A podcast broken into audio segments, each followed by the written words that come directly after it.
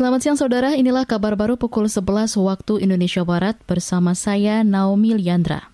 Para ahli menilai tingkat kemanjuran atau efikasi vaksin COVID-19 buatan Sinovac Tiongkok sebesar 65,3 persen sudah cukup baik. Angka efikasi itu juga sudah di atas standar yang diterapkan Organisasi Kesehatan Dunia atau WHO, yaitu 50 persen. Kepala Laboratorium Diagnostik dan Riset Penyakit Infeksi Universitas Andalas Padang, Andani Eka Putra mengatakan, dengan efikasi 65,3 persen, maka efektivitas perlindungan virus corona bisa mencapai 30 sampai 40 persen. Artinya, dari 100 orang yang disuntik vaksin Sinovac, maka 30 sampai 40 orang terlindungi dari COVID-19. Sedangkan untuk menciptakan kekebalan komunal atau herd immunity, maka jumlah penduduk yang divaksin harus mencapai 80 persen. Jadi tidak usah kita pikirkan berapanya gitu. Yang penting dengan cara vaksinasi ini, ini adalah bagian dari ikhtiar, bagian dari usaha. Nah ini masyarakat harus paham itu gitu. Daripada kita tidak usaha sama sekali kan. Kalau saya bilang 20% pun nanti efektivitasnya ada masalah, bagus tuh. Kepala Laboratorium Diagnostik dan Riset Penyakit Infeksi Universitas Andalas Andani Eka Putra juga mengingatkan, penerima vaksin masih mungkin terinfeksi virus corona. Meskipun kemungkinan itu sangat kecil atau 0,01 persen, Andani berharap meski sudah disuntik vaksin, masyarakat tetap menerapkan protokol kesehatan COVID-19. Kita ke Jawa Tengah. Pemerintah Kota Solo hari ini mulai melakukan penyuntikan vaksin virus corona kepada para tenaga kesehatan. Informasi selengkapnya kita simak laporan reporter KBR Yuda Satriawan langsung dari Solo. Pemerintah Kota Solo hari ini mulai melakukan vaksinasi pada tenaga kesehatan dan tenaga pendukung lainnya. Kepala Dinas Kesehatan Pemkot Solo Siti Wahyuningsi mengatakan ada 33 fasilitas kesehatan di Solo yang akan melakukan vaksinasi. Menurut Siti, ada sejumlah rumah sakit khusus di Solo yang tidak melakukan vaksinasi tenaga kesehatannya.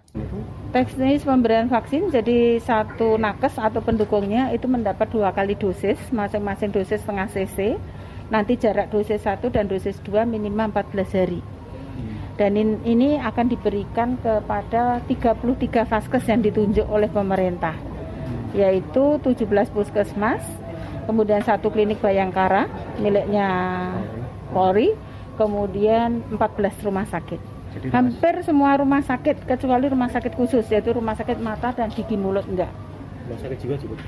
Rumah sakit jiwa enggak oh ya lebih lanjut Siti mengungkapkan ada 10.620 tenaga kesehatan di Solo yang tersebar di 33 fasilitas kesehatan, mulai dari tingkat rumah sakit, klinik, hingga puskesmas. Pemerintah Kota Solo sudah menerima pengiriman tahap pertama 11.609 vaksin Sinovac dari pemerintah dua hari lalu.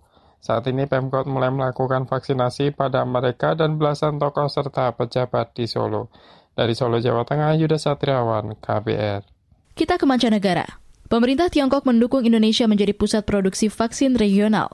Juru bicara Kementerian Luar Negeri China Zhao Lijian mengatakan, sebagai mitra strategis penting, maka hubungan bilateral dengan Indonesia diharapkan bisa berkontribusi terhadap pembangunan kesehatan umat manusia. Dalam keterangan tertulisnya, Kementerian Luar Negeri Tiongkok menyebutkan kerjasama vaksin kedua negara menunjukkan adanya saling percaya dalam menjalin kerjasama praktis dan strategis. Sebelumnya, Tiongkok juga mengajak Indonesia bersama-sama mendukung ketersediaan dan keterjangkauan vaksin COVID-19, khususnya di negara-negara berkembang dan negara-negara Islam. Hal itu disampaikan Kementerian Luar Negeri Cina menanggapi dikeluarkannya sertifikat halal oleh Majelis Ulama Indonesia atau MUI terhadap vaksin CoronaVac buatan Sinovac Cina. Demikian kabar baru KBR, saya Naomi Liandra.